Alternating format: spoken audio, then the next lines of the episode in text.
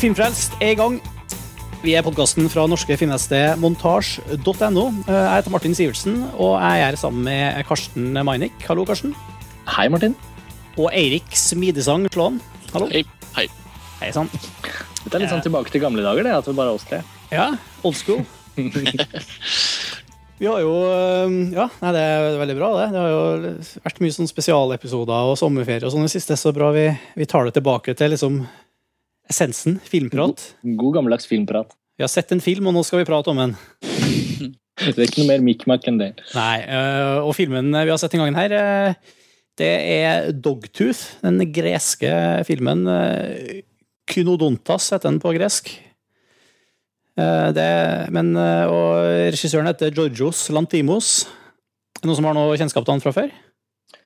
Ja, jeg har Egentlig, det var da Dogtooth kom, eller da, den kom i Cannes for, eh, for ett år siden, så så merket jeg meg jo Dogtooth. Den fikk veldig spesiell buzz. og så Jeg bare syntes det var et eller annet kjent med det, eller jeg mente å huske jeg hadde sett en eller annen gresk film, så sjekket jeg hva det var han hadde laget før. Og da så jeg at den første spillefilmen hans, Dogtooth, er den andre. Den heter Kinetta, og den så jeg på et sånt sideprogram i Berlin for flere år siden. Da jeg gikk rundt for meg selv, selv om jeg var der med noen andre. så gikk jeg rundt og så den. Den var veldig rar, men jeg likte den litt, og så hadde jeg glemt den. Og så husket jeg den igjen. Så jeg har faktisk sett begge filmene han har laget. da. Men han er jo en sånn ung, fremadstormende gresk regissør. Det har brukt ganske lang tid på å komme seg på kino. Dogtooth, ja. Ja, til, altså på Cannes i fjor, og først nå nettopp Det er bare et par uker siden han hadde kinopremiere Ja. i, i Norge. Mm. Men eh, ja, Eirik og jeg har snakket om det ofte, at, eh, for det, den, vin, den vant jo den Uncertain Regard-prisen i fjor. Mm. Og året før eller året før der igjen så er det en annen film som vant den prisen, som ennå ikke har kommet. Den kommer jo aldri til å komme, da, men den har jeg snakket med Erik om så mange ganger, for han så den. Den um, kasakhstanske filmen, husker du det, Erik? Tulpan. Tulpan, ja. så det er kanskje en slags forbannelse over de filmene som vinner den prisen, at de aldri kommer seg på norske kino. Hva slags pris er det? Er det sånn en, en, en certain regard? Altså et, eh, er en viss anerkjennelse, eller et skråblikk, eller hva, hva mener jeg med, det, den Ja, det er jo et, et, et skråblikk, betyr det jo, Mm. sånn, som du, sånn som du sier. Eh, det starta jo 1998, så vidt jeg husker. Eh, og målet var egentlig å starte en slags sideprogram som skulle etablere de nye filmskaperne. da, Eller vise fram nye filmskapere. Som hadde en slags eh, litt sånn, ja, litt mer guts enn de som kanskje var i hovedprogrammet. på en måte. Så det var sånn Cannes-festivalen sitt eksperimentprogram, eller har vært det liksom i, i de årene, de, 20, de ti årene som har gått siden det. Eh, det, er jo, det er jo egentlig blitt det mest interessante programmet i Cannes, mener veldig mange. da. Og den Mm. Tulpan som jeg så, synes jeg var, liksom, det var kanskje det en av de beste filmene jeg så det året. på en måte. Den kom jo aldri på kino i Norge, som sagt. Uh, men det er liksom blitt en liksom greie som altså jeg, jeg tenker jo at norske distributører burde jo hente filmer fra det sideprogrammet, for at det er så mange registemmer som kommer tilbake med større filmer senere. da, ikke sant? Altså de, de, blir på en måte, de, får, de får veldig ofte penger til å lage mer film etter å ha vært markert i, i Cannes da, i det programmet. Uh, og da er det veldig gøy for norske publikum å ha blitt kjent med de før de kommer med de der store, litt mer allmenne produksjonene. Eh, og, men de kommer jo aldri på kino i Norge. Og nå får vi jo, får vi jo Dogtooth, men um, ja, det er sjelden de kommer. Ja, jeg ser den, Årets vinner er en eh, sørkoreansk film som heter Ha-ha-ha. Som vant der nå i våres. Uh, og Den er regissert av en fyr som heter Hong Sang-soo, som jeg er ganske trygg på at ikke har hatt noen film i Norge før. Så det ligger sikkert dårlig an for den også. Ikke sant? Og det var en film som heter Whisky, blant annet, som vant uh, tilbake i 2004, som jeg så i Paris. når jeg- bodde i Paris. Som også var en sånn veldig sånn fin, kanskje litt langsom, men veldig fin uh, uruguaysk film. For eksempel, da. Så det er på en måte det, det er veldig veldig uh, internasjonalt. da. Det er, veldig, det, her, liksom, det er på en måte sideprogrammet hvor man kan oppdage eksperimentregissører fra de litt mindre filmnasjonene, som sånn, eksempel Hellas eller Uruguay. da. Men så blir de aldri plukket opp i Norge, så det er liksom, jeg vet ikke, det er liksom litt kjedelig. Litt dumt. Det er, det er et veldig så- interessant program. Og så er jo Dogtooth kommet, da, heldigvis. Ellers så hadde vi jo Dogtooth ikke kom. Ja. Men det var sikkert mye frem og tilbake. Jeg husker en prominent kinosjef, eh, norsk kinosjef i fjor sommer som sa at Dogtooth var en veldig spennende film. men Jeg er veldig bekymret for at den aldri kommer til å gå på kino i Norge. Mm. Så det tok må et si den, har jo, den, eh, den kom jo på kino i Storbritannia i april, på en måte. Mm. Så den har, jo vært, den har jo gått på kino i Europa på forsommeren eller våren. Da, på en måte, ikke sant? Og det er jo ikke så ille. Altså sånn Cannes-festivalen i, i mai i fjor, og så kommer den på en måte på kino i Europa vårparten året etterpå, er jo ganske normalt. Sånn, I forhold til å på en måte få ferdig alle avtaler og sånne ting. Men at den kommer nå 1. august i Norge, er jo det er ganske seint, Mm. kan man si.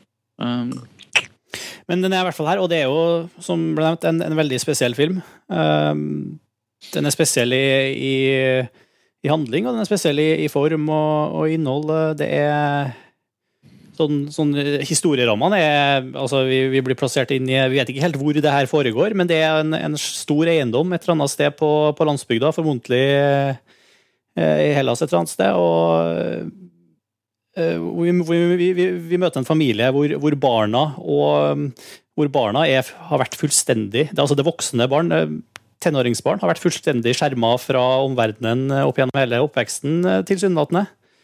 Og har, så vidt vi vet, aldri satt sin fot utafor denne store eiendommen. Da. Den eiendommen med hage, svømmebasseng, en liten sånn nesten en slags Edens hage her, hvor, hvor, hvor også de barna har blitt Eh, fullstendig eh, forma av eh, av det verdensbildet som de foreldrene har gitt dem. De har lært dem De har, de har danna et, et, bilde av omverdenen som er veldig som et veldig skummelt sted, og de, de tør ikke å gå utafor eiendommen. Og de har, ikke, de har ingen tilgang til liksom, utenomverdenen via TV eller via media eller og, og får, har sitt eget, sine egne, nesten sitt eget språk. Og de, de er fortsatt barn, selv om de er voksne, egentlig. Mm. Og, så er det bygd, en slags uh, his, Like mye en, kanskje en situasjonsskildring som en historie rundt det. da. Selv, selv, om det er jo en historieframgang i, i filmen også. Um, det er faktisk en, jeg har tenkt litt på det. Det er faktisk en slags min, min, veldig minimalistisk coming of age-dramaturgi her, da, hvis man ser på ja. det som en sånn oppvekstskildring at en person går fra liksom et alderstrinn til et annet og oppnår en større forståelse om verden og blir liksom mm. mer voksen. da. For En, en av hookene i historien er jo det at barna får vite fra sine foreldre at uh, når, du møter, når, du mister hjørnetannen din, altså dogtooth, når du, når du mister din første hjørnetann, hvis ikke jeg forsto feil, da er du klar til å forlate måte, huset eller eiendommen og det, sånn, det, skaper en sånn spenning som etter hvert begynner å dirre ganske kraftig. Mm. Når de små situasjonene utvikler seg til mer og mer dramatiske ting. Da. Det morsomme er at er ikke, er ikke tanken at hvis jeg, når tanna faller ut, så er du klar, men når den går tilbake, så kan du gå ut? Ja, det var kanskje... Fordi de, de, de, kan jo, de, kan jo, aldri komme seg ut. Det er jo på en måte litt av catchen i akkurat det som er lagt opp. Mm. Hjørnetanna gror, gror, gror, ut igjen, så kan de få lov til å gå ut. Men det, det går ikke an.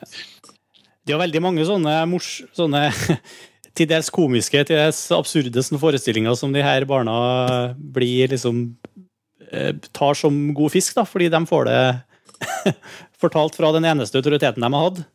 Og den eneste formidleren av virkelighet som de har kjennskap til. Og, og, og det der, det med hjørnetanna er jo en av dem. andre liksom veldig sånne, opplag, sånne ting som at uh, de ser jo stadig vekk fly som uh, flyr over eiendommen oppe i himmelen. Og så innimellom så kommer da faren i familien, og faren i familien er eneste personen her som egentlig har lov til å gå utafor eiendommen. Eh, han, driver, han, har en vanlig jobb og liksom finansierer familien på den måten. Men, men innimellom så kommer faren og sier å, nå har det ramla ned et fly, og så kommer et lite leketøysfly og gir det til en av ungene som slåss sånn.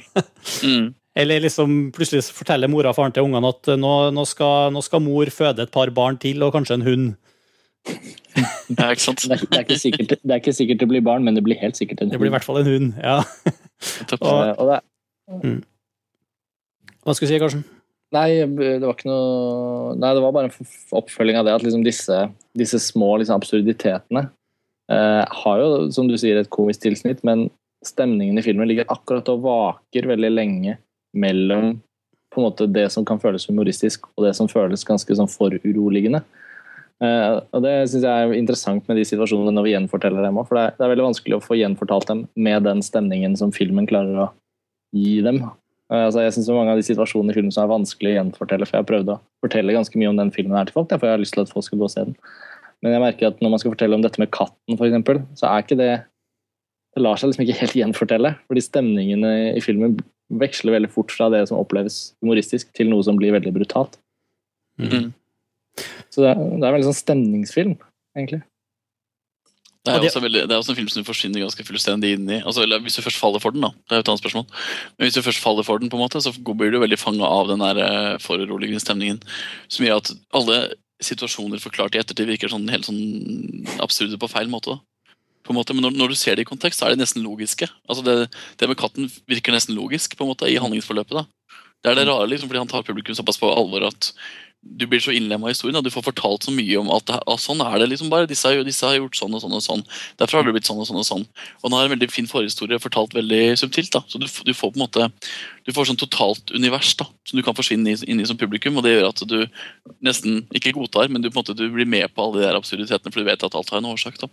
Ja, og, det, og det forklarer de på en måte utenfor da, til publikum som, eller folk som ikke har sett filmen, og forklarer at de tar livet av en katt for det og for det og for det, så er det helt sånn ja, men Hæ, så stygt. Men det er jo ikke sånn i filmen. Det er stygt, men samtidig så er det liksom litt sånn logisk. Ja, fordi man Ja, fordi ikke sant, de, de hovedpersonene i de barna og de, de har en helt annen virkelighetsforståelse enn enn en, en det vi har, og, ja. og, dermed, og, har helt andre forutsetninger for å, for å begå de handlingene de gjør. Um, det er også um, og det er også veldig sånn element Du sier det er en coming of age-historie. Det er jo en sånn veldig element av, av uh, litt sånn Når jeg uh, Litt sånn tapt uskyld her når jeg, det, når jeg nevnte med Edens hage i begynnelsen her, med den greia her, at det, det, når det kommer noen sånne små drypp av elementer fra omverdenen inn og forstyrrer idyllen her, på en måte Eller det er jo, det er jo ikke en idyll, men forstyrrer, forstyrrer balansen. da. Så det er jo da det begynner å skje ting. Når, når, de får sine Når det kommer eh, Hva er det? Det er en, en, en videokassett. Er det en Rocky-film faktisk som kommer inn i familien, og det er noe seksuelle liksom små Det er noen seksuelle opplevelser fra omverdenen som, som liksom trenger seg inn her. og Det er en slags sånn uh, fikenblad blir løfta-greie som, som, fører ja, til opprør. og Og det er, hvis, det er, hvis, det er, en coming of age-historie, så er det i så fall en coming of age-historie fortalt baklengs. da, Eller iallfall satt fullstendig på hodet. Mm. Fordi for jeg, jeg, føler jo egentlig at det er en, det motsatte. At det egentlig er en, eh, det motsatte av en coming of age-historie. Det handler egentlig mer om et foreldrepar som hindrer sine barn å ha den pubertale utviklingen de skal ha. da. At, altså, De har ikke en mm. naturlig seksuell utvikling, f.eks. Faren leier jo inn en, uh, jente som kommer og har sex med sønnen fordi sønnen på en måte har sine behov. Det er ikke et naturlig forløp hvor gutten får lov til å finne jenta, uh, jakte på jenta, sjekke opp jenta. liksom. Hun blir bare på en måte levert som et slags sånn, et behov da, på døra. Synes, det, er, det, er, ingen sånne naturlige pubertale utviklinger i filmen. i Det hele tatt, Så det snur jo veldig den coming of age-sjangeren på hodet. Men så er det jo noen, noen uh, filmer fra, at, uh, som har en veldig fin posisjon i liksom coming of age-sjangeren, hvor, hvor nettopp tenåringer eller barn føler seg hemmet av foreldrenes rammer. Kanskje ikke så ekstremt som det er i Dogtooth, da, men på en måte at hvor selve det å come of age da, skjer gjennom at de bryter ut fra de rammene som, som hindrer dem en eller annen utvikling. At de trenger seg ut på en måte litt. Mm. Um, men jeg syns det, det, er jo vanskelig å plassere Dogtooth. Da. Det er jo kanskje det en av svakhetene til filmen på en måte er jo at den på ett sett har, ikke lar seg definere ordentlig, og det er jo noe man har liksom behov for som menneske. Man liksom vil sette etiketter på ting sånn at man forstår dem. Kanskje blir det egentlig til slutt til en positiv ting, hvor filmskaperen får oss virkelig satt på skjeve. Samtidig som han har et litt sånn ansvar for å holde oss Vi kommer inn, sånn som du sier, Martin, men samtidig så må vi liksom bli holdt i en retning. Eh, jeg husker Vi, eh, vi så den jo samtidig på kino nå i sommer, Eirik, og da snakket vi litt om en spesifikk scene i filmen hvor, hvor den grep oss og hvor vi ble veldig fenget inn mot slutten. Men akkurat like før det, så midt på, midt på der et sted, så ligger den og gynger litt. Og da er det litt synd at man ikke helt vet hva slags film man ser. Da mm. blir man litt sånn retningsløs, kanskje. Og det er jo, jeg vil jo si sånn som Vi snakka om det med balansegangen mellom humor og, og det foruroligende. Jeg føler på en måte at den, den, ligger kanskje veldig mye i humorlandskapet. Den greier aldri helt å bli foruroligende. da. Nok, bortsett fra visse scener, sånn som når uh, hun ene dattera skjærer broren sin i, i, armen, eller er det andre søstera? Jeg er ikke sikker. Iallfall skjærer, skjærer i hånda, i hånda veldig sånn brutalt. da. Og det begynner å blø.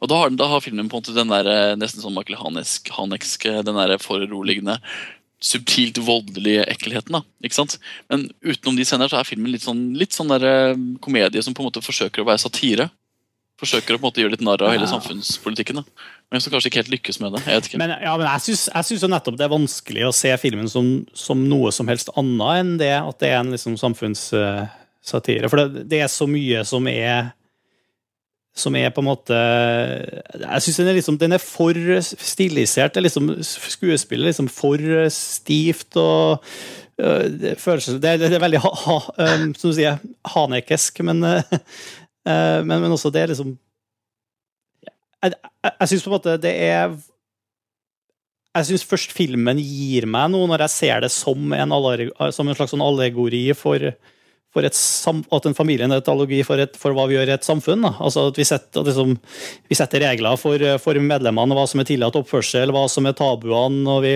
vi, vi skaper oss et bilde av omverdenen som er liksom De, de færreste har jo et, en, en, faktisk opplevelse av omverdenen, annet enn det de får servert gjennom media og myndigheter. og, og liksom, Vi skaper et fiendebilde i fellesskap, vi konstruerer en virkelighet. altså det, jeg, føler at, mm. jeg, føler at, det er veldig vanskelig å se på det som noe annet enn det. for Jeg kjøper ikke historien som den er. liksom. Jeg, jeg, jeg tror ikke på det som skjer som en ren historie om den lille familien på landsbygda. Det er, som, det, er for, det er, for mye som, ikke stemmer der, til at jeg kjøper den historien. Da.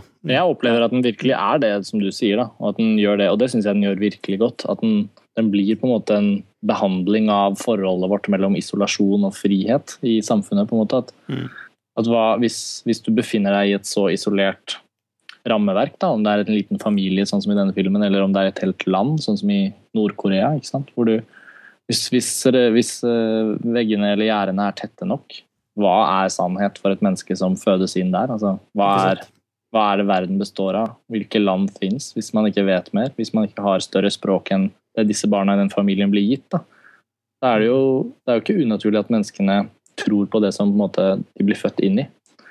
Som en sånn på en måte, betraktning rundt, rundt ganske store spørsmål, så syns jeg den fungerer veldig godt som en symbolsk fortelling. Men jeg er også enig med deg at i seg selv så har den ikke noen sånn men det er vanskelig å gjenfortelle den, f.eks. Hva handler filmen om? Nei, jeg, ja, for at det, sånn Haneke-aktig. Ja. Du kan, beskrive, du kan beskrive hva som skjer, liksom, men, men, jeg klarte ikke å sitte og føle at, at det var altså, ja, jeg, jeg, måtte, jeg, følte at jeg måtte sitte med tolkebrillene på hele tida.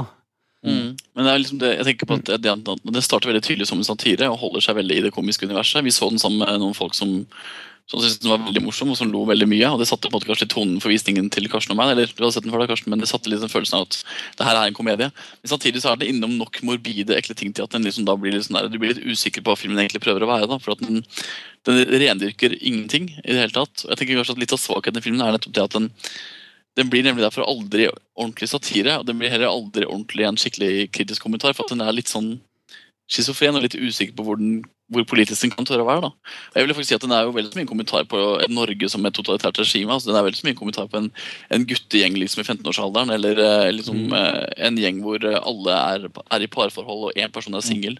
Og den personen desperat prøver å skaffe seg en kjæreste fordi han må liksom, ha med seg en dame på festene for alle andre har par. ikke sant? Altså, Sør-Korea er én ting, liksom, men det kan handle vel så mye om, om montasje. Liksom, staben ja, ja. våre interne normer og regler. Så det, er, det, er, det, som gjør er at den er, den er ganske universell. fordi den treffer liksom den, ikke komedie, altså den, den, trenger ikke å ha liksom den skikkelig kritiske totalitære regimet som, uh, som, bakgrunn. Den kan egentlig bare handle om samfunnskonstellasjoner. da Uansett hvordan de egentlig er. I stor og liten skala, egentlig. Ja. Ikke sant? Og det, det, Der, der funker den jo veldig bra. og det er visse scener som er helt sånn her, Sånn som de har en familiemiddag, for eksempel, eller den der dansescenen hvor hun danser på bursdagen. Så er det sånn her, du, du kjenner på en måte igjen litt den der normen. da, Du kjenner på en måte igjen den liksom ekle at du må gjøre ting for at du har fått beskjed om å gjøre det. Hvis du ikke gjør det, så kommer det sanksjoner. Uh, og så går det for langt. da. Altså Det tas for langt, liksom. Altså, eh, det er veldig sånne altså, det er veldig sånne treffende elementer f.eks. i det med oppdragelse. Om vi se ekstremtilfeller av her, hvor på en måte det å bli belønnet altså, Nå er du flink, her har du et sukkertøy, liksom. Det er jo noe som skjer sikkert i alle familier. Mens liksom konseptet om belønning her i denne Dogtooth-familien er jo helt skrudd. Uh, og det sier jo liksom det slår, Akkurat som du sier, Erik, så syns jeg helt, den slår vel så mye tilbake på norm, vanlige, normale ting. Regler er ikke bare noe som foregår i, i totalitære regimer, selvfølgelig. Det er jo like interessant i vanlige familier eller i sosialdemokratiske Skandinavia. Jo, det, er, det er vel så farlig, for det er mye mindre tydelig. ikke sant? Ikke sant, ikke sant? Ja, men også er det liksom fascinerende hva som regnes som, som ting som har verdi, ting som man, man som motiverer en i den familien. Altså et ja. nytt eh, liksom en ny eh, hårspenne eller et nytt lite leketøysfly eller og, mm. og det liksom er Det er litt sånn tenker liksom på hva er det vi bruker tida vår på å jage etter liksom, i, i, hverdagen. Er det sånne små ubetydelige ting som vi har lært oss at det her skal vi bry oss om? Mm. Og, ikke, og, ikke, det som, ja, og ikke alle mulige andre ting som, som er mye større.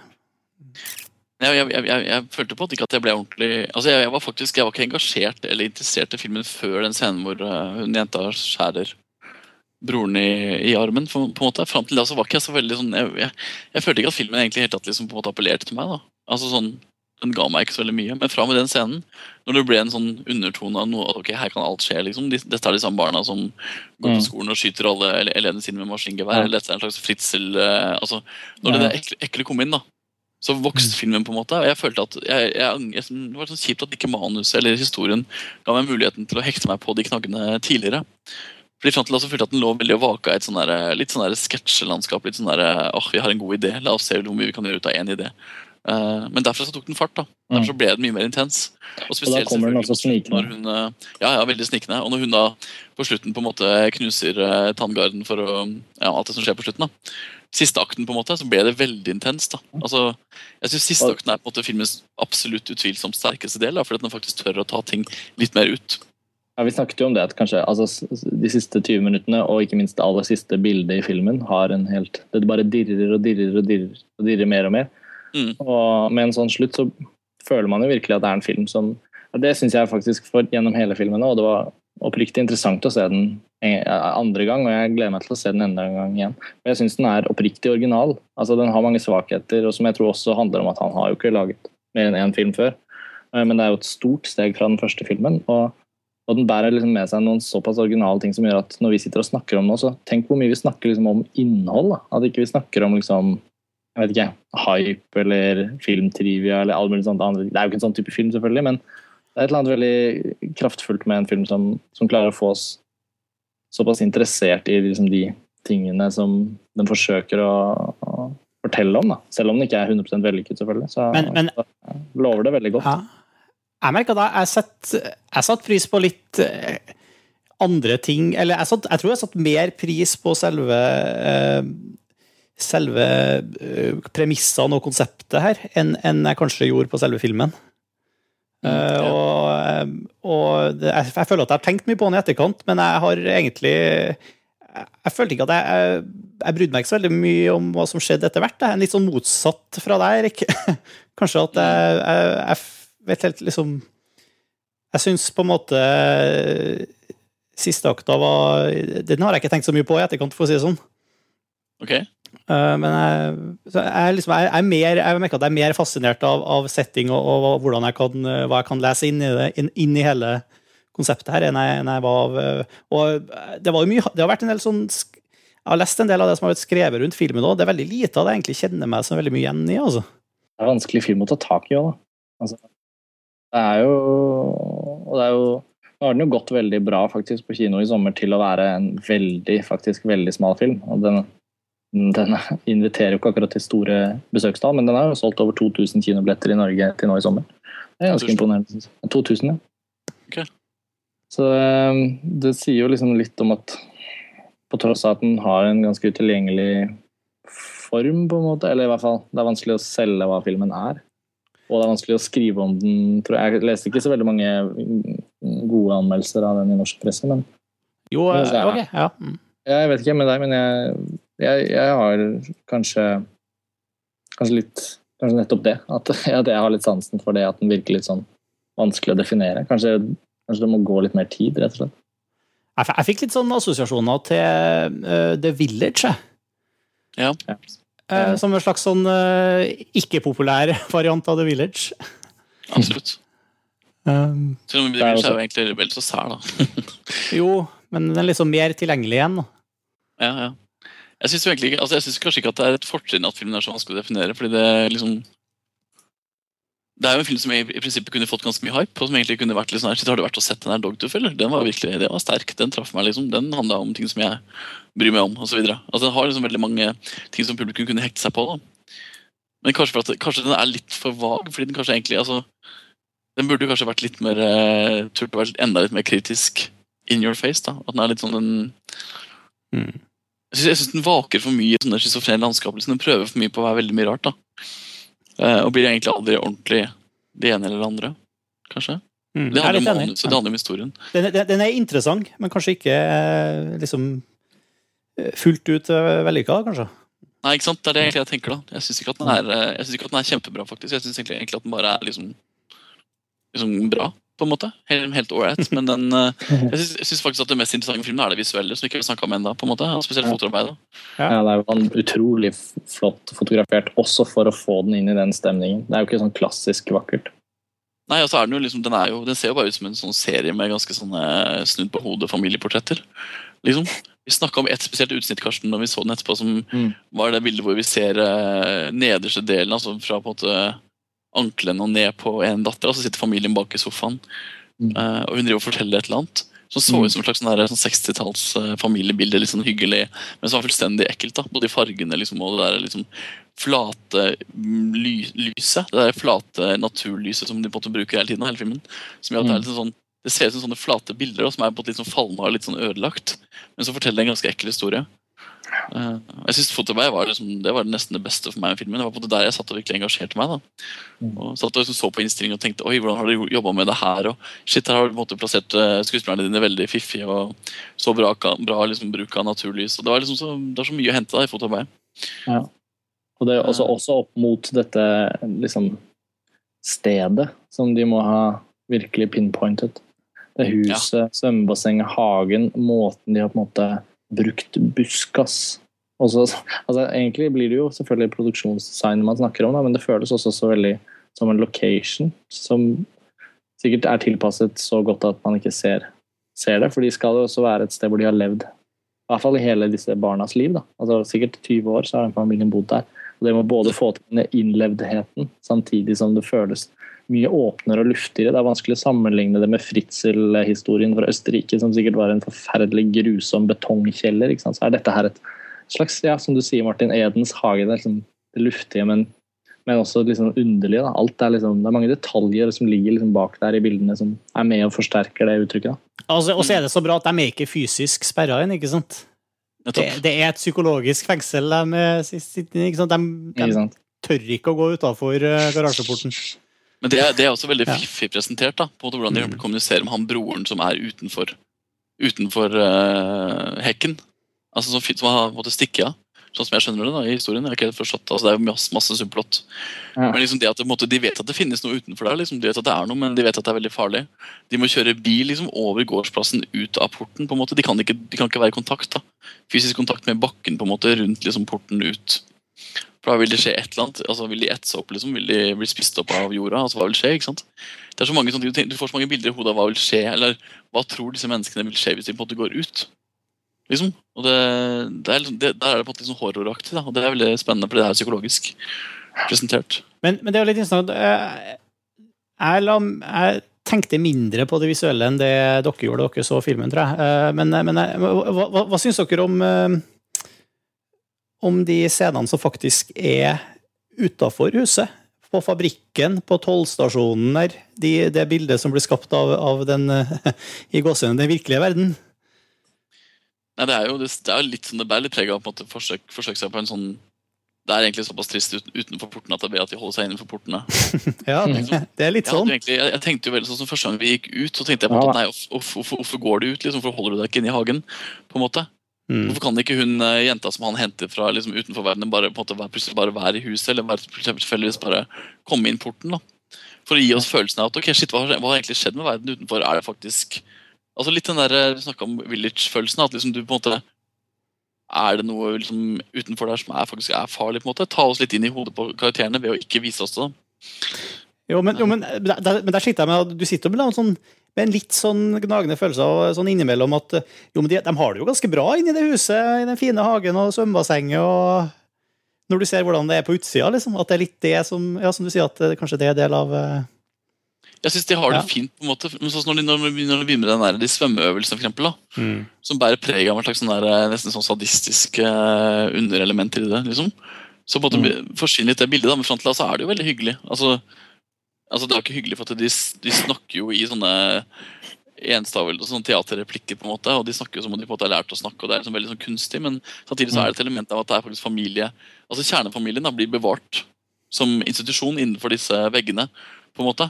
Og det er jo det som liksom, er jo familieinstitusjonen oppløst, på en måte, snakker man jo om, ikke sant, i, i hvert fall i den vestlige verden. Mens her har de fått til å bevare det, og det ser ganske hyggelig ut. Men så er det nok elementer som gjør at det er liksom ekkelt at du tenker at ok, nei, ok, det, er ikke, det er ikke bra. liksom. Nei, og så går det jo i oppløsning.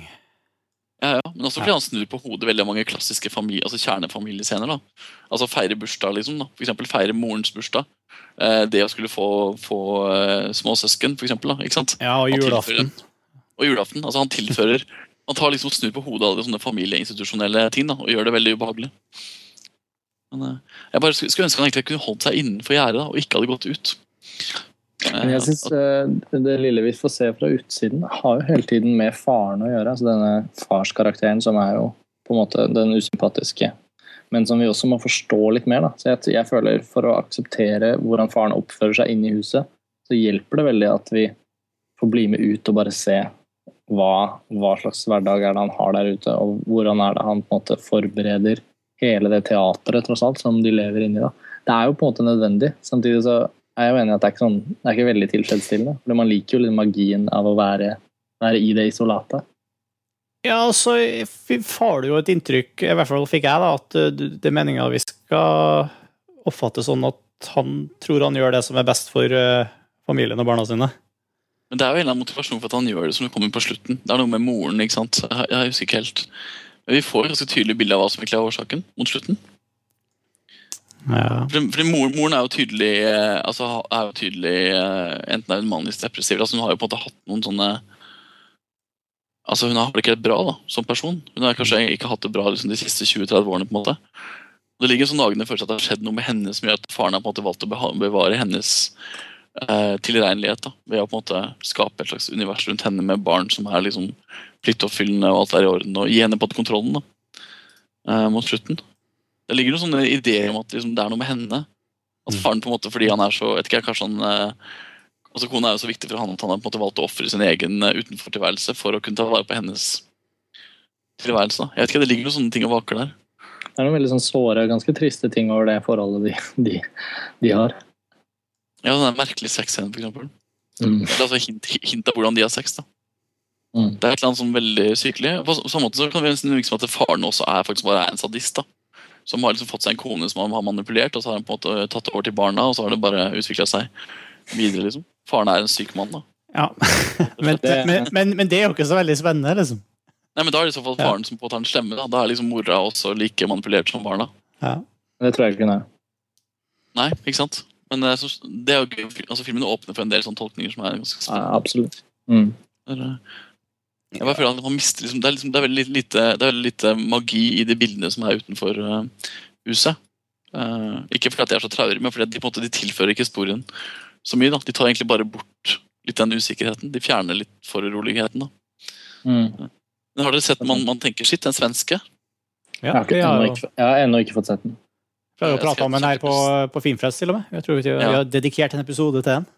Jeg skrev en ganske lang artikkel om den på, på montasje. og den, eh, den har jo veldig mange slektstrekk med, liksom, med Dogtooth. da. Spesielt det at det er på et lukka univers som er liksom omsluttet av skog og vann.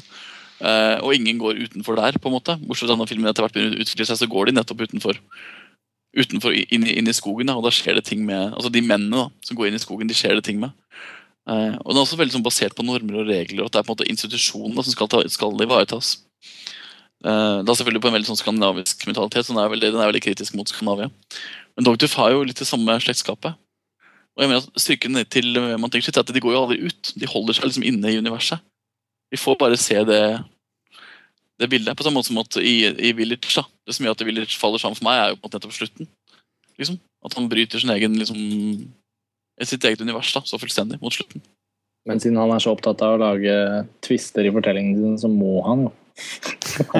Det er veldig synd, for liksom det sånn som jeg skulle ønske han Georgos eh, Lantimos også turte å stole såpass på Dogtooth-historien, at han lot oss være der som barn her. For det er jo en psykologisk historie. Vi skal jo inn i hodet på karakterene. Men vi, vi, vi, vi vet alltid mer da enn karakterene, liksom, og det er liksom dumt. Fordi da blir det kanskje ikke så interessant. Det er, um, vi får liksom både beskjed om å være inni hodet på alle fem karakterene, og vi skal få det der utenfra perspektivet som gjør at vi kan tolke de. Jeg synes ikke det er så veldig jeg, jeg, jeg trenger ikke den ballasten. Jeg trenger egentlig bare deres hode. Mm. Det holder. Jeg tror, vi, jeg tror vi er vel ganske enige om at vi har Vi sitter inne med en varm anbefaling av Dogtooth på et eller annet plan her. Det Eh, Det er jo virkelig Jeg syns jo den, den Ved siden av Inception, da, i den helt andre enden, så er det de to filmene som har kommet på kino i sommer som virkelig er verdt å snakke om. da. Som er verdt det andre gjensynet, eksempel, eller som, eller som lar seg liksom bruke til noe mer enn bare den lille en og en halve timen i kinosalen. Så Ja. jeg vil bare få sagt det. at jeg håper absolutt en film til, til ettertanke, i hvert fall. ja, som liksom, det varsler også ankomsten av et, eh, et talent da, på mange måter. Altså, jeg, håper, jeg håper ikke den greske finanskrisen hindrer eh, fra å fortsette å lage film, og kanskje overraske oss med et eller annet enda mer interessant neste gang, som forhåpentligvis da har litt mer helhet og, og kanskje litt mer narrativ spenning. Og når endelig en sånn film kommer seg på kino i Norge, om det så er gresk film eller om det på en måte er film fra den siden av Eller en film som er såpass eh, litt sånn ja, vanskelig tilgjengelig, da. Mm. Når det først kommer seg på kino, så må, er det jo viktig at folk stiller opp og ser. Hvis jeg, altså Filminteresserte, film, som du jo er per definisjon, hvis du hører på den podkasten her, så liksom, da må du jo ta litt ansvar og gå og se en sånn film, for ellers så vil jo ikke sånn film komme til Norge. Da vil de bare komme på DVD. Ja, det, det er veldig spennende at den har kommet seg på kino i Norge, og at den gjør det forholdsvis bra. da. Skal vi forlate uh, Dogtooth Det kan vi gjøre. Inntil, inntil vi går og ser den igjen. inntil vi går og ser den igjen? um, har dere sett noe annet spennende i siste som fortjener en liten eh, snakk? Vi har litt, litt tid igjen i, i sendinga. Fortjener snakk, vet jeg ikke. Ja, det var det. Eller tenker du på Soul Kitchen? Nei, jeg tenker på ja, begge to. Jeg har sett Splice også. Ja. Så jeg synes Det var liksom virkelig eh, Det er sjelden jeg bruker ordet makkverk, men jeg syns Splice var et makkverk. Det. Ja. Det var liksom virkelig Det var en god idé, på en måte. Uh, som var fullstendig liksom bare totalt uengasjerende og sjangerløs på helt feil måte. Og egentlig ganske totalt uinteressant, liksom. Dessverre. Det er ikke verdt å si litt hva den handler om engang, for oss som ikke har sett den. Hva er den interessante ideen? Det handler om et, uh, ja, to forskere som er liksom også kjærestepar, da, som eh, ønsker å spleise menneskegener med eh, det er vel amfibiegener for å lage et slags hybrid da, mellom mennesker og, og noe annet. Og så finner de på en måte løsninger, men så blir de hindra. Men så velger hun ene, da, Sarah Polly-karakteren, velger å gjøre det allikevel, og så kommer det da faktisk et, et vesen. Det blir født et vesen, og dette vesenet får de et slags sånn mor og far-forhold til. da. Så viser det seg at dette vesenet har jo ikke akkurat Det er ikke så stabilt, da, fordi det er jo et forskningsprosjekt, så dette vesenet har jo litt spesielle evner. Men det liksom, premisset er godt, og det er jo veldig, igjen ganske sånn samfunnskritisk perspektiv. Det handler om genetikk og osv. Men det, det tas aldri ut, og man tør aldri en gjøre et eneste hint av noe samfunnskritikk. og Det eneste bra med det er at det er veldig bra spesialeffekt. Altså hun, Det der vesenet er en veldig bra spesialeffekt når hun er barn, for da er hun animert. Og det ser bare helt realistisk ut. Det er sånn forbi Golum, på en måte. Men eh, det er en film som forsøker å lage en slags samfunnskritisk fabel, da, men som bare blir en sånn intetsigende, eh, totalt gjesp. gjesp. Det ryktes at den eh, faller helt sammen i andre At den, har, har et godt oppsett, men ramler helt sammen på slutten. Ja, det starter veldig fint, men liksom det er, problemet som film er at hvis du skal på en måte lage en sånn film som skal ha et så absurd eh, utgangspunkt, så må du virkelig nesten gjøre det ganske strengt. Hvis du på en måte slipper løs eh, altså, og lar ting gå til helvete, da, så må du på en måte gjøre det på subtilt vis. Så blir det bare en actionfilm eller en splatterfilm eller en horrorfilm, liksom, og da, blir det, da mister man det samfunnskritiske elementet. Så filmen drukner veldig fort i egen, sånn, sitt eget behov for å være en actionfilm samtidig som det skal være noe annet. Uh, og så er altså, han der Adrian Brody synes jeg er liksom kanskje klodens verste stjerneskuespiller. Jeg synes han er en ja, En ting er å se på han, på en måte, men han er liksom en totalt intetsigende skuespiller. Han har liksom han har ikke noe å by på, mener jeg. da. uh, og han er veldig dårlig i denne filmen her.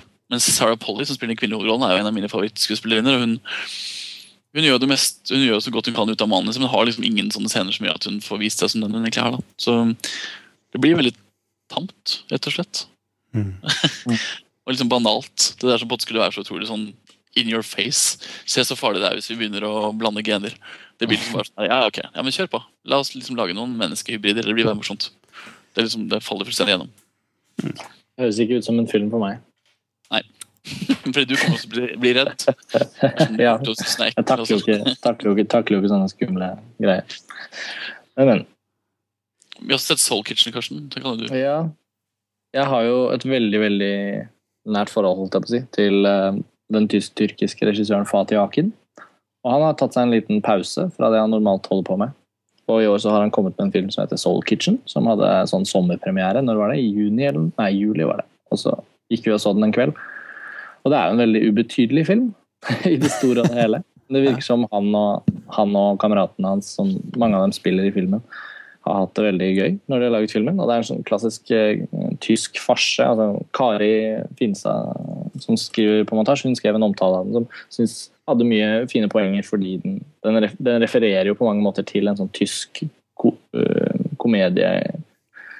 komediearv, nesten. Som uh, på en måte egentlig er jo ganske vanskelig å svelge for oss andre. Jeg tror man må være tysk for å falle for mye av den humoren. Og det gjaldt jo dessverre denne filmen her. og den, den føles som en enorm og en, enten en enorm eller en helt minimal parentes i Mati Alkins karriere. Jeg vet ikke, Det er egentlig ikke så mye jeg har lyst til å gå inn, inn på i filmen. for den den sier seg liksom selv. Alle som går og ser den traileren, skjønner hva slags film det er. Det kjipe jo at den, er jo, altså den starter veldig fint. da. Den begynner jo veldig bra. Førsteakten er jo egentlig 'Oscar ålreit. Morsom og hyggelig. og Det setter et veldig kult premiss med at det skal foregå på et kjøkken hvor det skal være masse merkelige karakterer og det skal være litt sånn intriger og farse og sånne ting. Men så han velger faktisk å forkaste nesten sitt eget premiss. da. Og lage istedenfor noe som han, han hopper jo veldig over det som er potensielt ganske så interessante tingene ved, ved plottet. Og så lager han noe ganske sånn Den er, den er ganske grøtete som film. Ja. Ja. Den er veldig usammenhengende. liksom, Den er altfor lang, og den er liksom til dels ganske overspilt i visse scener. liksom, og den er liksom, Noen ganger så går den så totalt i det der farsefella liksom, at ting er så totalt tydelig at du sitter bare å nei, liksom. Og vi, vi så den sammen med en kompis som er musikalfantast. Det er en sånn sekvens hvor han på en måte ganske tydelig gjør narr av en sånn musikalskole, på en måte, med masse sånne overtydelige musikale studenter som står der og liksom danser. Og liksom han, han, han, han, liksom, han, han tar det liksom noen ganger litt for langt, rett og slett. Liksom, og det faller litt igjennom, for det blir på en måte aldri eh, fint nok. Det blir liksom bare sånn liksom vulgært. Mm. Sexscener som er veldig vulgære og liksom litt sånn ekkel hovedrolle. Veldig tysk. Veldig tysk. Men liksom, tysk farse din er, liksom, det er et eller annet veldig eksotisk med tysk farse. Ja, det, det, er jo litt eksotisk film. Er, ja, ja, men det er liksom, Tyskland er et land som på en måte føles veldig langt fra oss mentalt når vi ser sånne filmer. da. Mm. Vi kjenner oss på en måte ikke igjen i så veldig mye av uh, det som foregår. Men så tar han det kanskje for langt, så det blir liksom så fjernt at det bare faller litt sammen. og blir sånn her, Oi, shit, det her var jo bare en grøt av 100 karakterer liksom, og masse dialog og sammensurium og ikke noe liksom, sånn visuelt interessant. altså bare sånn men det er som sier Fatih Akin, han har jo laget uh, den andre siden og Mot veggen. og liksom Nå tar han en pause og lager en liksom, lettbent komedie. Og det er jo mm. sikkert bare smart. Mm. Han, han har gjort det veldig bra. ja. Uh, og det er veldig ja, en kjempepopulær film i Tyskland, denne her. Og, og jeg skal også si det til, til filmens forsvar og til mitt eget forsvar, holdt jeg på å si, så var jeg veldig innstilt på hva slags film det var da vi så den. Og jeg hadde det veldig gøy da vi så filmen. Mens filmen forløp, så lo jeg og hygget meg, men jeg følte også at det var et veldig lite på en måte gjenklang, da. og nå har det jo gått en måned, og nå merker jeg jo liksom at den, den er nesten helt glemt. Men hvis man først er ute etter en film hvor man hvis man er bakfull og bare trenger å lene seg nedpå, så er det jo ikke den verste filmen å sette på. Og det fins jo positive sider ved sånne type filmer òg. Men jeg liker jo gjerne filmer som varer litt, da. Så, sånn sett så er den en parentes. Ikke sant. Så har jeg sett, etter liksom intensiv titting, så har jeg sett sesong tre ferdig av Mad Men. da. Åh, jeg gleder meg til den. ja, for Dere har ikke sett noen ting av det? Nei, Nei den ligger og venter i DVD, på DVD. Ja, nei, altså jeg, har jo, jeg hadde liksom litt sånn sjokk liksom sånn jeg så tredje siste episoden i forgårs. Jeg ser det sammen med en kamerat. Vi har sett liksom alt sammen sammen og har til og med bestilt uh, fra USA. og drikker whisky. Liksom, og, ja, vi har liksom gjennomført Du har blitt Mad Men. Liksom. Og det er jo liksom, det er en serie som fortjener all den hypen den får. da. Det er det som er liksom, egentlig er best oppsummering, for den omtales jo nå i videre brede og får jo ros for nesten alt. Og den, er, den fortjener jo faktisk all rosen. Men um, for to dager siden så, så jeg liksom den tredje siste episoden og ble bare helt sånn her, altså, jeg, følte, jeg hadde ikke trodd jeg kunne bli så emosjonell av en TV-serie. på en måte. Jeg ble det kanskje litt av Six Feet Under, men det var liksom de tre siste episodene av sesong tre var sånn der, Oi, ok, shit. Det her er jo virkelig ikke det jeg hadde trodd skulle skje.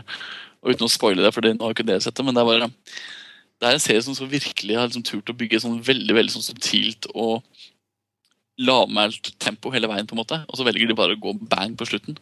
Men uh, den har jo overraska litt hele tida? I, ja, men den har liksom, ja. jo, men altså, den er på en sånn, det er så morsomt, for den, den, forteller jo ingenting tydelig. Den, jo, den er veldig sånn All American Beauty og, og, og uh, Six Feet Under. Men altså, den, er, den er ikke som American Beauty, for American Beauty tar det jo ganske mye ut i enkelte scener. Men den har sånn der Six Feet Under forteller allting under overflaten. på en måte. Uh, men så er det sånn enkeltelement som gjør at så er- det veldig på, på kanten av Solseter, For at den har sånne Du venter på at den skal klikke, liksom. At det skal skje et eller annet. Fordi altså alle karakterene har så mange negative sider og er så ekle. og virker liksom, altså Mange av de virker bare liksom sånn tilbakestående. Liksom, spesielt da Betty Draper, kona til uh, hovedkarakter Don Draper. Uh, og liksom nå på slutten så velger de på en måte å ta det ganske seriøst da, og velger faktisk å satse på at publikum har virkelig engasjert seg i karakterene gjennom uh, tre år og kjører det fullt ut. Og snur hele universet fullstendig på hodet. Og da jeg bare jeg satt faktisk med fullstendig gåsehud liksom, i går i to ganger 44 minutter og bare følte at shit, nå, ok, jeg har ikke sett en bedre TV-serie liksom, i mitt liv. Det her slår, Jeg elsker jo Six Feet Under, liksom, men det her slår jo det bare knockout på, på den TV-serien. fordi den tør å være så Det er så mye mer. da, Det er, så, det er sånn tre ganger så mye karakterer. ikke sant? Det er et kjempetablå som spilles, eh, som spilles opp. Det er en periode serie som er fullstendig liksom, realisert. da, altså Det er ikke en detalj som er, liksom, er neglisjert. på en måte. Um, de, de, de bruker penger på å skape universer, og de, det er jo kun ukjente skuespillere liksom nesten ukjente skuespillere som spiller alle rollene, så du kan på en måte fullstendig tro på eh, det de gjør. Liksom. Og skuespillet er liksom basert på nærbilder, altså øyelokk som blunker. liksom. Eh, og det har liksom alle de tingene som TV på en måte, på en måte ikke har turt å gjøre da, fram til nå siste årene. Men så gjør den liksom bare til punkt og prikke. og jeg vet ikke, I går så bare fikk jeg en sånn her Ok, shit, det her, det her slår jo faktisk også Six Under. på en måte. TV-serie er har jo blitt et sånt hybridformat.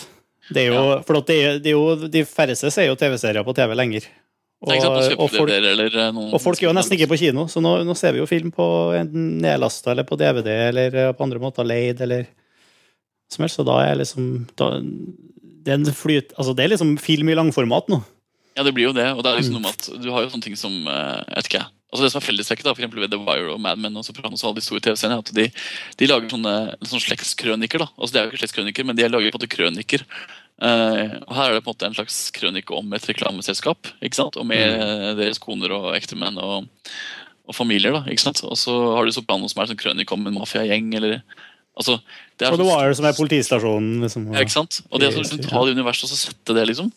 Eh, og det er på en måte, altså Hvis man er interessert i manus, for eksempel, da, så er det jo veldig gøy å se Mad Men. fordi de setter liksom sånne subtile referanser til det som foregår i tiden. ikke sant? I går så var det Kennedy-drapet for eksempel, som er bak teppet. Og det er sånn der, De tør å knytte liksom an mot historiske hendelser. ikke sant? Eh, de, de gjør jo på en måte reklamekampanjer for Lucky Strike, for eh, Hilton Hotels. Og så kjenner du på en måte igjen kampanjen når de er ferdig. Så tenker du å ja, shit, skulle dit, ja det visste jeg jo. Selvfølgelig ble det forkasta det de gjorde før, for det var ikke det som var det originale. Altså de, de tør å på en måte blande en slags sånn historisk korrekthet med et fullstendig fiksjonelt univers. da. Og det gjør at liksom, Publikum blir tatt veldig på alvor, for at du faktisk, du kjenner jo til bakteppet. Du kjenner jo til eh, Kennedy-drapet og Marilyn Monroe som dør, og alle sekretærene på kontoret er knust. ikke sant? Uh, altså, Det er så interessant, men det er jo kun manuset. Og så har du den dimensjonen som handler om det visuelle universet, som er så, så perfeksjonert. da. Altså Det er liksom bare hver, hver eneste ting, hver eneste stol eller glass eller altså, I går satt jeg og så på en strømkontakt på veggen på en måte, på et hotell. Det er liksom bare sånn, Du vil ha alt. da. Du vil ha en sånn Madman Store, og så vil du gå og bare liksom handle alt. Og så er det veldig kult at de går jo ut. Du, du var litt redd for at de bare skulle holde seg på kontoret og på kjøkkenet i starten, men de går jo ut. Ja, sesong 1 så Og- var jeg, tenkte jeg at jeg håpa de fikk budsjett til å gå ut liksom, og gjøre Mm. ikke sant? Og det har de fått nå. og det, det er jo sånne hint av liksom, eh, T-banen i New York for eksempel, sant, på 60-tallet. Det er hint av eh, Miami. liksom. Det er en fantastisk episode som handler om et cocktailselskap i Miami hvor du har gjenskapt en sånn der, eh, 60-talls Miami-forstandsidyll som er bare altså, de, de har liksom brukt penger på det, men samtidig så er det ikke en film som handler om det visuelle. For den handler fullstendig om karakterene. nå. Og alle de der utrolig mange subplottene som du aldri mister kontrollen over. Mens du hele tiden bare jeg skjønner, Sånn er det, ja, selvfølgelig. Hun Shit, ja, det, det burde jeg kanskje skjønt, fordi hun var jo sånn i episode tre. Ja, men det er jo helt logisk. Oi, ja, det hadde jeg faktisk ikke tenkt på. Og så blir du hele tiden påminnet om ting, og så blir du, blir du veldig sånn engasjert. Og, og du finner forsvinner fullstendig opp i da 25 karakterer. ikke sant? Og kan liksom hele forestillingen, Du vet hvordan de kommer til å reagere på ting som dukker opp. Og du venter på at de skal klikke, du venter på at de skal bli forelska, du venter på at de skal liksom uh, bli skilt. Det er virkelig en, en, en familiekrønike da, fra et reklamebyrå. Og I går så var jeg kulminert til det fullstendig. Bare, ah, nå, de skal jo kun lage seks, eh, seks sesonger, har de sagt. Kun seks, det er jo ganske mye. Ja, Men de vil jo på en måte ikke ta det her til 70-tallet. ikke sant? Og nå er, det, nå er det 1964. Eh, 1963 stoppa det i går. Og, og um, hvis det her på en måte da blir seks sesonger, så er det jo nå halvveis. Og De fant liksom den perfekte måten å bare si ok, nå er du halvveis. Kan du trekke pusten? Og så begynner vi på en måte med litt andre ting. Og det, det er så fiffig. altså. Det er så utrolig fiffig. Jeg gleder meg veldig til å se. Jeg har bare sett de to første sesongene. Så jeg blir, Jeg blir jo jeg blir helt stille her, jeg òg. Jeg, har, jeg, har sett- piloten. Den første, første ja. episoden. Det er bare, det er bare å sette seg ned, Karsten. Ja, da, jeg har hørt om det. Det er det som er problemet mitt. Altså, jeg, det er så mange TV-serier jeg ikke har sett, nettopp fordi jeg bærer ikke i meg den evnen til virkelig å sette meg ned og gå inn i disse TV-seriene. Men nå, nå brekker snart den uh, Nå må. Jeg jeg har jo sett mengder av DVD i siste. Ja, fyrløst. Ja. Store mengder. vi. Eh, En ting som kanskje skal være eh, Vi var jo på kino eh, Det er sikkert Når var det? Det er lenge siden. Ett og et halvt år siden. Ja, vi så, vi så Jacques Merin, Ja. samfunnsfiende nummer én. Men bare nummer én. Vi så bare den ene filmen. Som, det var en film i to deler. Fransk gangsterfilm. Eh, Så dere noensinne del to? Jeg gjorde ikke det. Nei, for den har jeg nå sett på DVD, nemlig. Ehm, og det var på mange måter både en eh, positiv opplevelse og en bekreftelse av det vi eh, egentlig konkluderte med eneren. At uh, altså den toeren er følger jo, plukker jo opp direkte der hvor eneren slapp. Det er liksom en slags sånn uh, episk gangsterfortelling. 'Rise and Fall of Jack Merin'. Ja. Eh, som, som eh, altså, jeg, så, så vidt jeg husker, så, så syntes vi at, at, at den første filmen var, hadde veldig mye, mye stilige scener. Øh, og, men, men sleit både med, med helhet og med, med, med dybde og med På en måte med, med, med framgang og alt mulig. Og det, du kan si mye av det samme om toeren, altså. Okay. Den, den, den er stappa full av kanskje enda mer action og spenningssekvenser. Eh, som, og, og en del faktisk, en del veldig, veldig gode scener, en del veldig morsomme scener, faktisk. Eh, men, men eh, hvis du setter sammen til en helhet, så, så sitter jeg med liksom en, en, en, sånn, en film som er altfor lang, som burde ha vært bare én film. Uh, og syns jeg, da. Og, og det hele liksom, det rir veldig på hovedet på han Vincent Cassel, som er en skikkelig kul fyr. liksom. Han har et fantastisk nærvær på skjermen. Og, men, men liksom selve hovedpersonen som han portretterer, han, eh, Jack Merin, han Man prøver å få han til å framstå som en veldig fascinerende, mangefasettert eh, kar, men han, han virker litt hul, da. Ja. Og, og man sitter liksom ikke igjen Jeg satt i hvert fall ikke igjen med noe veldig mye eh, substans, da. Vi snakka om at det var veldig hult i den første også. Mm. Det er akkurat det samme her, altså. Og det er veldig rart å lage og fordele altså Det er jo en kjempestorslagen historie, på en måte. Eh, altså fortellingen da, om han. Mm.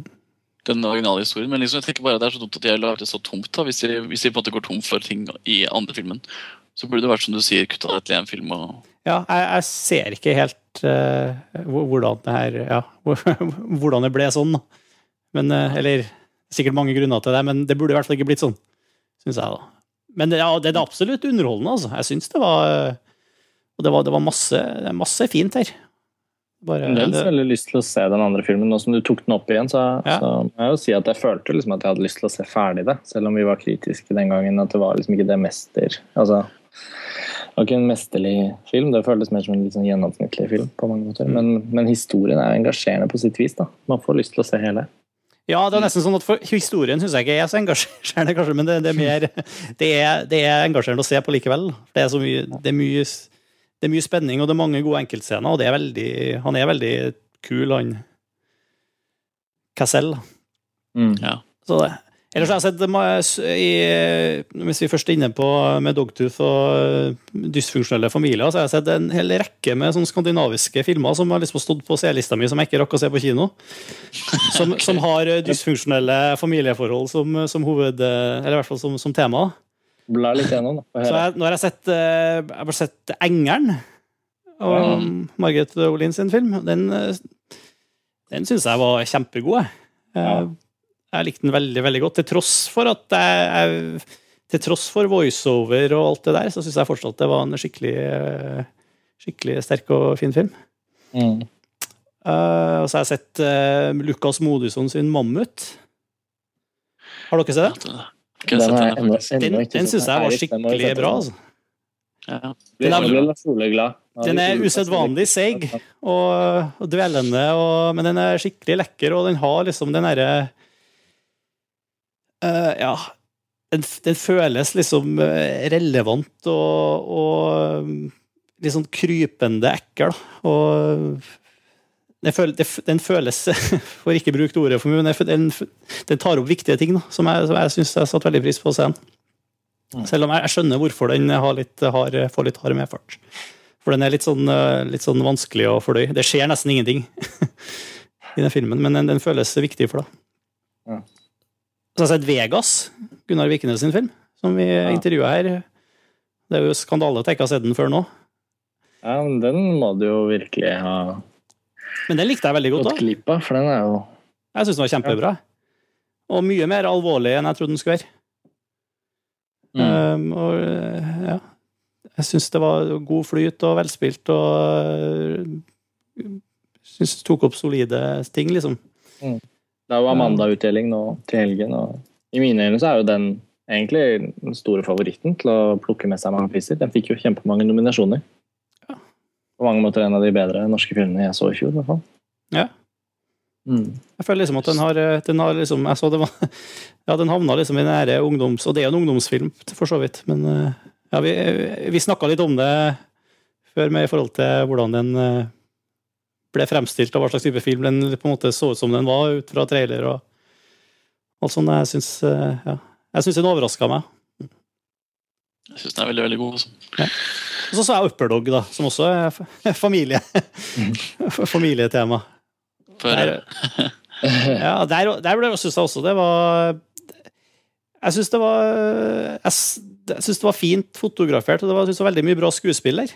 Den hadde masse kontraster og spennende opptakt og, og sett og sånn utgangspunkt, altså. Men, jeg, men, der fikk jeg mindre ut av det enn kanskje de andre filmene jeg nettopp nevnte. Jeg, jeg klarte liksom ikke å hente Jeg fikk liksom veldig lite essens ut av det til slutt. da. Jeg, jeg, følte, jeg fikk ikke helt greip på, hva den egentlig ville for noe den, ja, jeg følte liksom at den, den toucha litt på veldig mange ting uten egentlig å ja, gi, jeg, ja, uten å gi meg så veldig mye med, da. Mm. Men jeg syns for så vidt den var severdig, da. Så det. Ja, du, da har du forberedt deg godt til høsten, da, som har så mye norsk film i seg. Ja, ja. Det var liksom den ramsa med skandinavisk familiefilm. Mm. Som eh, ja, altså Ja. Ellers eh, Jeg vet ikke om det er så mye mer å si. Noe, noe, du har sett, Karsten? Ja, jeg jeg Hvis vi nærmer oss slutten, så vil jeg bare kort, kort, nevne en gammel film som jeg har sett. Som eh, jeg så på DVD. da. En av de. Jeg har ikke fått tid til å se så mye film i det siste, men jeg har endelig fått sett en av Werner Herzogs eh, kanskje mest kritikerroste klassikere fra 70-tallet.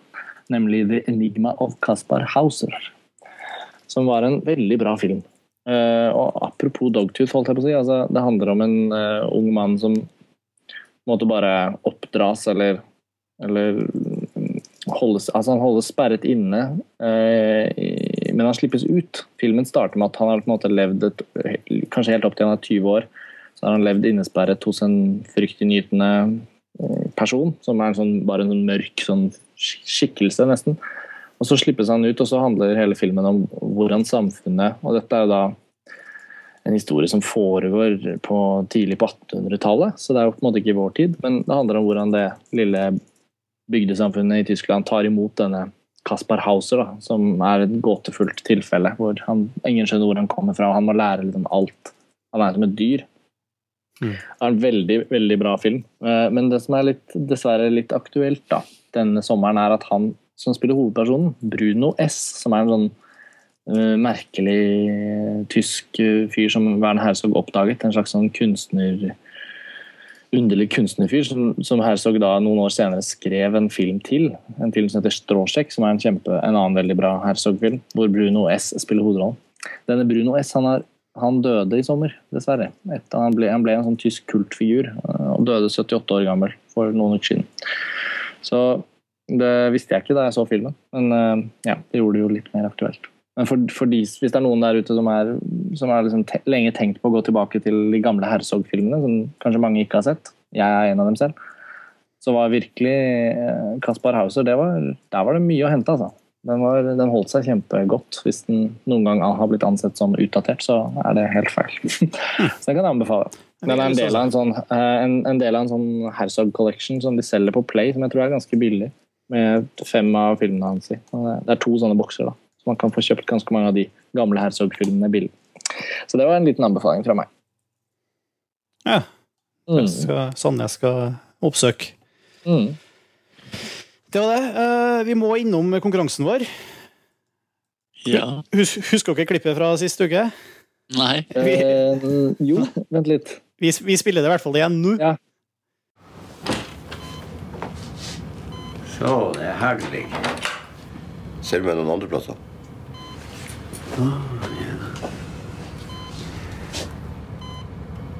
Det var en fin tur. Du skulle vært med. Jaha. Fordi Jeg tok med meg litt tørka kjøtt til deg. Hjerter. Ikke ha den driten. Det var klippet. Eh, Det var fra Ninjatroppen-intervjuet, det.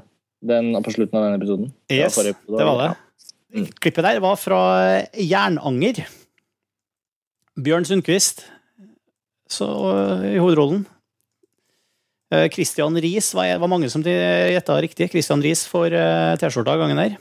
Så eh, den er på vei til deg i posten. Og vi spiller et nytt klipp, episoden her. Så bare spiss ørene, hør om dere drar kjensel på hvilken film det klippet her er fra. Do you want a bite? I'm on a diet, but thank you. No need to lose any weight. You're kidding, right? You look great. Very fit. You can always be thinner. Look better. Well, maybe we shouldn't go out to dinner. I don't want to ruin your willpower. That's all right. I'm not very good at controlling it anyway.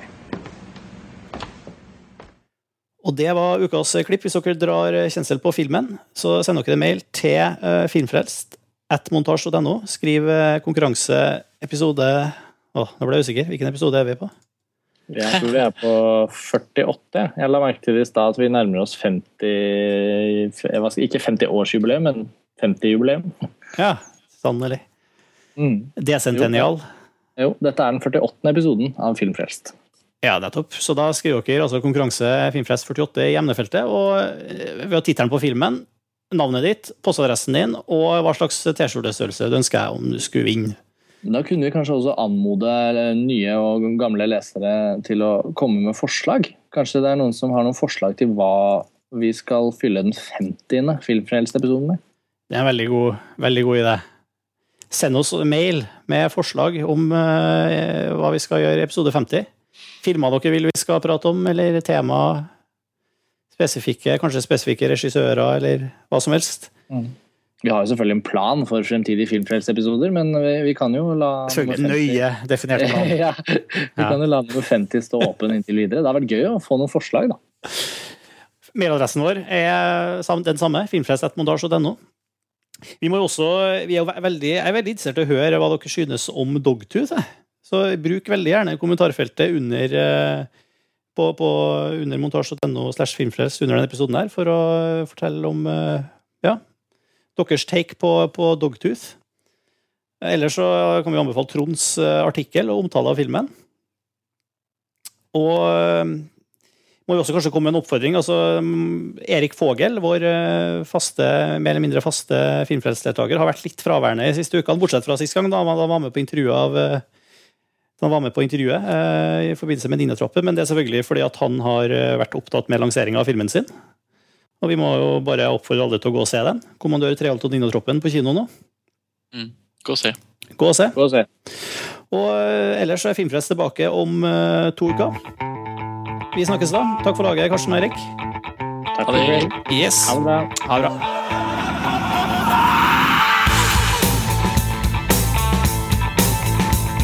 Filmfrelst er en podkast fra det norske finnettstedet montasj.no. Du kan abonnere på Filmfrelst i iTunes, og du kan lese mer og delta i diskusjonene om hver enkelt episode på montasj.no slash filmfrelst.